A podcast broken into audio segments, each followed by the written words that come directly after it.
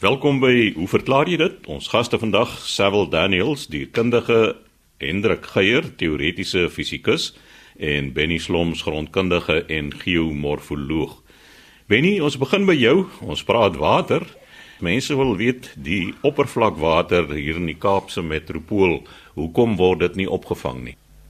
Baie dankie Chris. Ek het al verlede jaar 'n brief ontvang van Andre Josias van Mosselbaai en hy wou weet wat is die moontlikheid dat die ter duisende liter water wat verlore gaan deur 'n dorp of stad se stormwaterpypleidings kan 'n mens nie plan maak met daai water wat net afloop. Jy kan 'n mens dit nie opvang en in 'n dam versamel nie.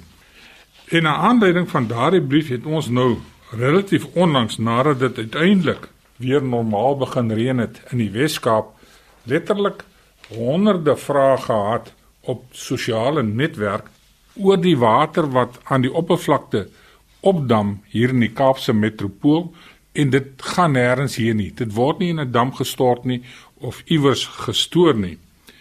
Nou ehm um, die antwoord is natuurlik die water wat op die Kaapse metropool en die gelyker deel, die Kaapse vlakte val, val op 'n area waar die hoogte bo seespieël tussen 15 en 20 meter is. So dis 'n plat stuk aarde. Eh, jy het ook nie goeie materiaal om 'n dam te bou nie en jy het ook nie val om die water natuurlik soontoe te laat loop nie. Riviere wat hierso op die Kaapse vlakte voorkom wat in tye soos nou wanneer dit goed reën heelwat water afbring, is riviere soos die Kuilsrivier wat later by die Eerste rivier aansluit die Liesbeek en die Dieprivier en hulle almal stort maar hulle water in die see. Baie van die water syfer wel in die grond in en sak af na die sandakwifer wat die Kaapse vlakte onder lê. So hierdie akwifer wat ons reeds gebruik vir besproeiingswater vir die groenteboere op die Kaapse vlakte en die Kaapse stadsraad het 'n klompie boorgate laat sak waar hulle van hierdie water ontgin en dan laat aansluit by die sentrale waterleidings. So tot 'n mate het ons nie oppervlakdamme in hierdie gebied nie, maar ons het wel 'n akwifer wat van hierdie water kan opvang wat ons dan in die somermaande kan onttrek. Nou afloopwater loop ook in permanente vleie hier op die Kaapse vlakte, soos byvoorbeeld Ronde vlei, Prinsesvlei, Sekoevlei en Sandvlei. Nou gedurende die wintermaande, dis nou Junie, Julie, Augustus en September, kom daar ook talle nie permanente vlieë op die Kaapse vlakte voor. Dit is in die laagliggende gebiede en uh daardie water verdamp mettertyd soos die somermaande aanbreek. So van daardie water beland natuurlik ook in die ondergrondse akwifer. En wat ons sien by daardie vlieë is waar die akwifer alreeds tot op daardie hoogte gevul is met water en jy die water hoop net op aan die bokant van daardie akwifer.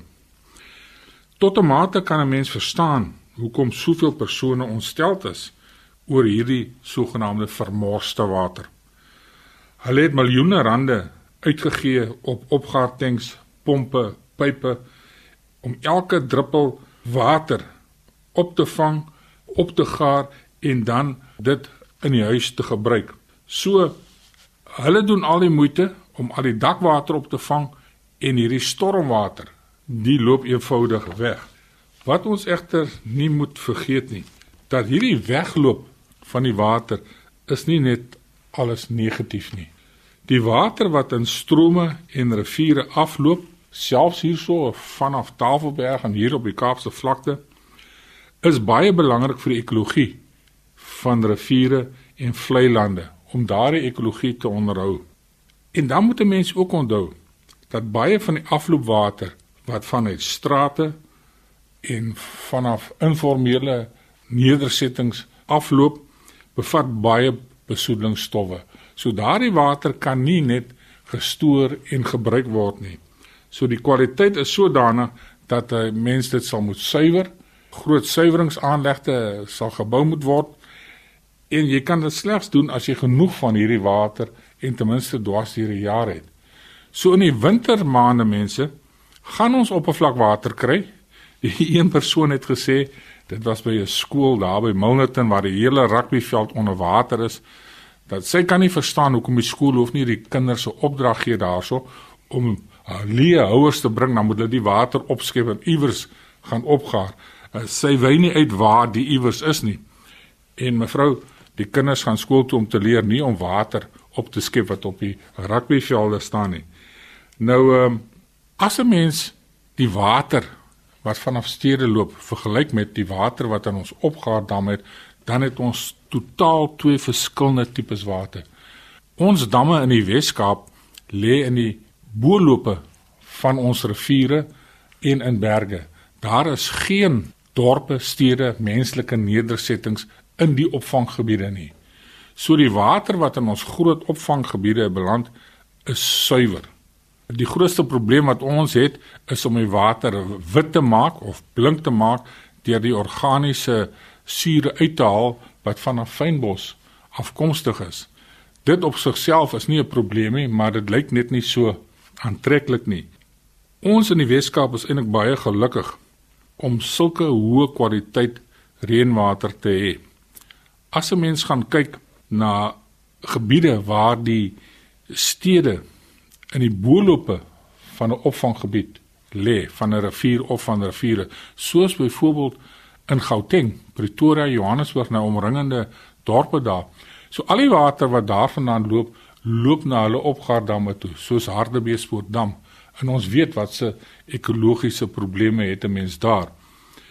So ek wil net vir die mense sê dit lyk na 'n normale reënjaar vir jaar. Ons gaan weer ons kwota kry. Laat die water maar in die vleye staan. Laat hulle maar wegloop see toe. Ten minste is die ekologie weer nie hernu nie, maar kan hulle weer aan die gang kom met die water wat daar loop.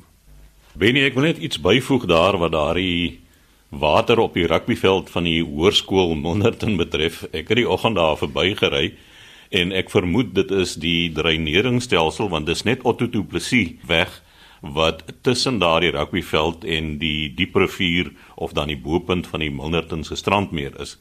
Nou daar is hout tafeltjies met banke wat vasgeskroef is daaraan is daar onder die bome geplaas en net die tafel se blaaie het uitgesteek.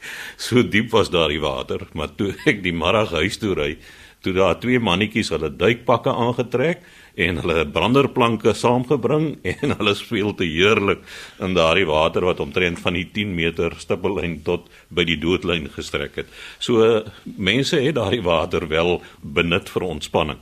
Nou ja, dit was dan Benny Slomps, ons grondkundige en geomorfoloog wat so gesels het.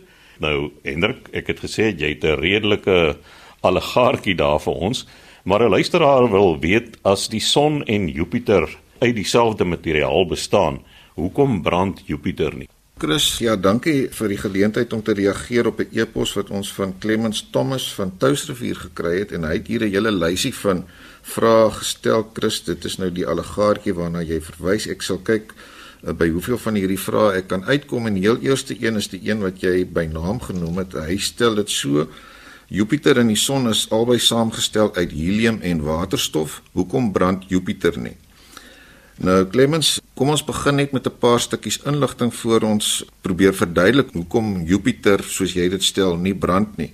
Eerstens moet 'n mens miskien sê dat beide hierdie hemelliggame saamgestel is uit waterstof en helium om net reg te laat geskied aan die relatiewe hoeveelhede. Uh, so byvoorbeeld is dit in die geval van die son omtrent 'n samestelling van 75% waterstof en 25% helium, terwyl by Jupiter dit 90% waterstof en 10% helium is. As jy vra hoekom brand Jupiter nie, moet ons nou probeer praat oor die konsep brand en laat ek dit doen deur eers net na vergelykende temperature verwys.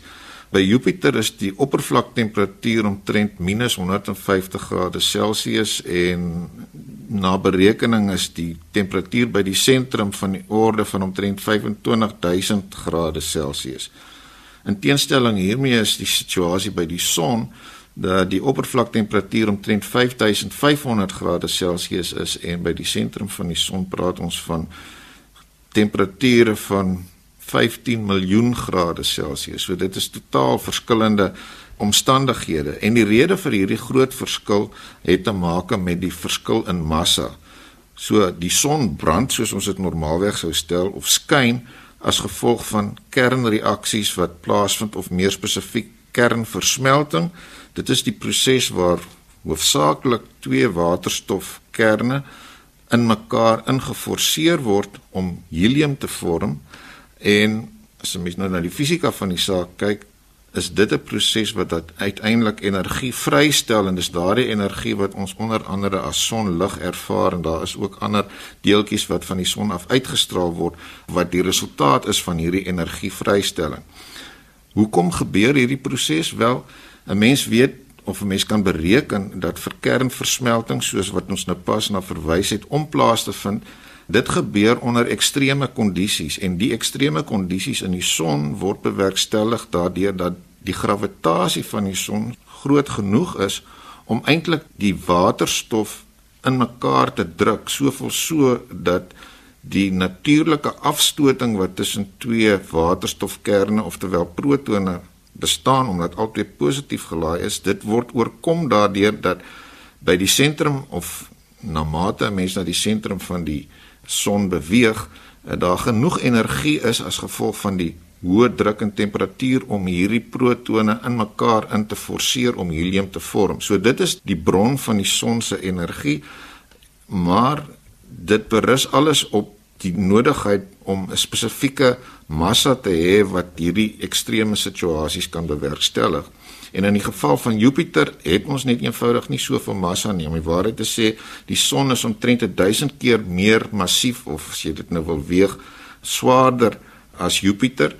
En verder weet 'n mens dat die kleinste sterre, met ander woorde die kleinste hoeveelheid massa wat nodig is om hoegenaamd kernversmelting van waterstof te bewerkstellig is in sterretjies, ons noem hulle maar so, wat omtrent so 8% van die massa van die son is. Die goed word genoem rooi dwerge en Mens kry eintlik nog 'n kategorie van ster wat nie heeltemal 'n ster is nie, breindwerge wat nog bietjie minder massief is, maar by hulle vind waterstofversmelting glad nie plaas nie. Daar word bereken dat by hierdie goed daar miskien die moontlikheid is dat waterstof in die vorm van deuterium, dit wil sê waar twee protone reeds gebind is, kan versmelt, maar die eindresultaat is dat die hoeveelheid energie wat vrygestel word nie naaste by vergelykbaar is met dit wat ons in die son waarneem nie. So kortom Clemens is die rede waarom Jupiter nie brand nie is dit is nie massief genoeg nie. Mense omtrent 80 Jupiters bymekaar moet druk voordat jy die effek sal kry wat jy onder sonomstandighede het, naamlik dat daar genoeg gravitasie in die massa teenwoordig is om die samedrukking te bewerkstellig waaronder kernversmelting dan uiteindelik kan plaasvind. Chris, as ek nog 'n bietjie tyd het, gaan ek graag aan na 'n tweede vraag, naamlik Clemens wil weet wat is die verskil tussen 'n meteoroïde en 'n asteroïde? Nou, kortom sou ek sê daar's nie regtig 'n verskil nie. Dit het meer te maak met hoe groot hierdie stukke rots is, want dit is wat dit is wat in die sonnestelsel ronddryf. Ons weet daar is iets soos die asteroïde gordel. Dit is 'n losse samestelling van kleiner brokstukke en daar's bespiegeling dat dit eens op 'n tyd inderdaad dalk 'n planeet kon gewees het wat sê maar deur 'n komeet of iets anders getref is en hierdie gordel sit tussen Mars en Jupiter waar daar in elk geval 'n baie groot oop ruimte is vergeleke met waar die ander bane van planete rondom die son hulle bevind. So tussen Mars en Jupiter dryf hierdie groot stukke rots rond. Daar's vier grootes, hulle name is Ceres, Vesta, Pallas en Hygiea en hulle deursnee wissel van omtrent so 950 km tot 430 km en hulle maak omtrent die helfte van die massa van al die asteroïde in hierdie asteroïde gordel uit. Oor baie lang tye en onder invloed van mekaar en onder invloed van die swaartekrag van die planete en die son kan van hierdie goed se bane versteur word met ander woorde dat hulle nie maar net om en om en om die son beweeg nie. En ons het ook al gepraat daaroor dat selfs in die ruimtevaart Jupiter soms as 'n soort slinger gebruik word. Sy geweldige swaartekrag kan ingespan word om soos 'n slinger te werk. Met ander woorde, as 'n objek 'n slag om Jupiter gaan, kan hy verder die ruimte ingeskiet word en Dit is een van die maniere waarop van hierdie kleiner asteroïde dan uiteindelik die baan van die aarde soos wat hy om die son beweeg kruis en van hierdie goed onder die invloed weer van die aarde se swaartekrag kan dan uiteindelik op die aardoppervlak beland.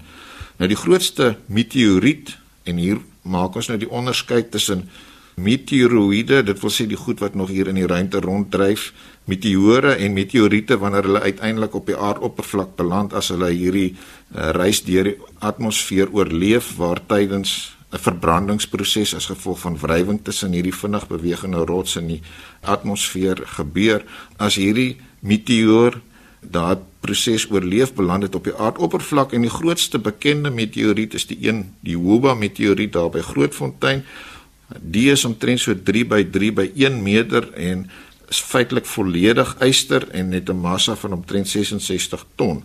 Maar dit is duidelik dat die grootste meteoriete wat op aarde beland het goed is wat baie kleiner is as die grootste asteroïde. Wat 'n mens verder kan nalees is dat van die bekende nalatenskappe van groot meteoorbotsings met die aarde soos die Chicxulub in die Golf van Mexiko wat geassosieer is met die uitsterwing van die dinosourusse in Naraming was daardie meteoor omtrent 10 tot 15 km in deursnee wat dieselfde soort orde grootte is as wat genoem word vir die meteoor wat die Vredefort koepel oorspronklik laat ontstaan het die terloops was by vorming omtrent 300 km in deursnee. So oor die algemeen het ons hier te maak met 'n skaalverskil, maar uiteindelik is na alle waarskynlikheid die grootste bron van meteore of meteoriete meteoroïdes watter fase jy dit nou ook al wil beskryf, het hulle oorsprong in die asteroïde gordel. Chris, dan dink ek is dit tyd om net 'n laaste opmerking te maak. Ek sal maar later by van die ander vrae uitkom wat Clemens Thomas vir ons geskryf het. Hy skryf hier: Sterre is ligjare weg van ons en dit neem die lig van sterre jare om ons te bereik. Is daar sterre wat voor Christus aan die einde van hulle lewe gekom het en nou nog gesien word? Clemens, ek dink as jy nou mooi dink oor hierdie vraag, sê jy besef dis nie 'n vraag wat 'n mens kan beantwoord nie, want as ons die ster nou nog sien, is daar geen manier om te weet of daardie ster nou dalk al reeds ophou bestaan het nie. So, ons kan nie eenvoudig nie daai vraag antwoord nie, maar daar's daarom twee stukkies inligting wat 'n mens hier kan byvoeg, naamlik dat die meeste sterre sterf ook 'n stadige dood. So weet ons byvoorbeeld dat die son uiteindelik in 'n rooi reus gaan verander wat dan uiteindelik weer in 'n wit dwerg verander, maar dit is 'n proses wat oor honderde en indien nie duisende miljoene jare gebeur. So 'n ster is ook nie iets wat jy sommer net aan en af kan skakel nie, behalwe in die geval van supernovas waarvan mens weet dat onder sommige omstandighede die gravitasie van 'n ster sy einddood so vinnig kan bewerkstellig dat alles as dit ware onder gravitasie in mekaar geforseer word wat tot 'n geweldige ontploffing lei om net 'n idee van die skaal daarvan te gee die hoeveelheid lig wat dan vrygestel word is vergelykbaar met die totale hoeveelheid lig in 'n enkele melkwegstelsel soos ons in. Daar praat 'n mens van omtrent 100 biljoen of 100 maal 10 tot die mag 9 sterre rofweg gemiddeld soos ons son. So die hoeveelheid lig onder daai omstandighede wat vrygestel word oor 'n relatief kort tyd is asemrowend. Maar of dit nou 'n supernova is of wat ook al, daar's geen manier waar ons nou 'n ster of enige liggewende objek in die ruimte kan waarneem en dan met sekerheid kan sê daardie lig kom van 'n objek wat nou al ophou bestaan het nie. Ons sal eers moet sien dat daai liggie uitgedoof is voordat ons daai afleiding kan maak en as ons dan weet waar die ding in die ruimte was en 'n afstand daarheen kan bereken, dan kan 'n mens natuurlik sê wanneer daardie einde van die ding se lewensduur gebeur het, maar onder die omstandighede het jou vraag ongelukkig nie antwoord nie. So sê Hendrik Geier, ons teoretiese fisikus. Volgende aan die beurt, Cecil Daniels, ons dierkundige. Nou, Cecil, jy het so 'n bietjie van 'n stekelrige onderwerp hier. Iemand wil meer weet oor die paringsgedrag van uistervarke. Nou, die antwoord is definitief nie net baie versigtig nie. Môre Chris, môre kollegas, goeiemôre luisteraars. Ja, Dion Kruger sê 'n ongelukkig nie baie vandaan is nie, maar hy het so 'n paar vrae drie spesifiek oor eystervarke. Die eerste een is hoe paar eystervarke. Ek dink dit is belangrik om te onderskei dat 'n mens twee families kry wat nou in hierdie orde is. Die een is kom in die ou wêreld voor, met ander woorde in Afrika en in Asië en die ander een kom in die nuwe wêreld voor, met ander woorde in die Amerikas. En daar is nogal noemenswaardige verskille ten opsigte van die voortplantingsgedrag. By die Kaapse eystervark wat natuurlik nou wyd versprei in Suidelike Afrika is, is die spesies monogam. Kontak tussen die wyfie en die mannetjie is noodsaaklik vir die siklus, voortplantingssiklus by die diere. Die kopulasie tussen die mannetjie en die wyfie word gewoonlik geïnisieer deur die wyfie. En kopulasie kan dan natuurlik in hierdie diere reg deur die jaar plaasvind. Wanneer die wyfie nou in estrus is, sal sy die mannetjie nader en haar stert vertikaal oplig vir die mannetjie. Die mannetjie sal dan met die wyfie kopuleer deur op sy agterpote te staan en sy voorpote op haar rug te plaas. By hierdie diere is kopulasie 'n baie vinnige saak en dit duur gewoonlik net so 'n paar minute dan is die storie nou oor. In die nuwe wêreld eystervark met ander woorde wat nou in die Amerikas voorkom, is die gedrag nie dieselfde nie. Die diere kom gewoonlik in bome voor en die mannetjie urineer gewoonlik op die wyfie wanneer hy nou kan ruik dat sy in estrus is. Wanneer sy dan nou reg is vir kopulasie, sal sy die mannetjie aanvaar en dan beweeg die mannetjie gewoonlik weg van haar af. So daar's 'n meer poligame stelsel wat dan nou teenwoordig is in die nuwe wêreld eystervarke. Die tweede vraag is: Is dit waar dat die penne van die eystervarke hol is en kan hulle daarmee water na die nes toe dra?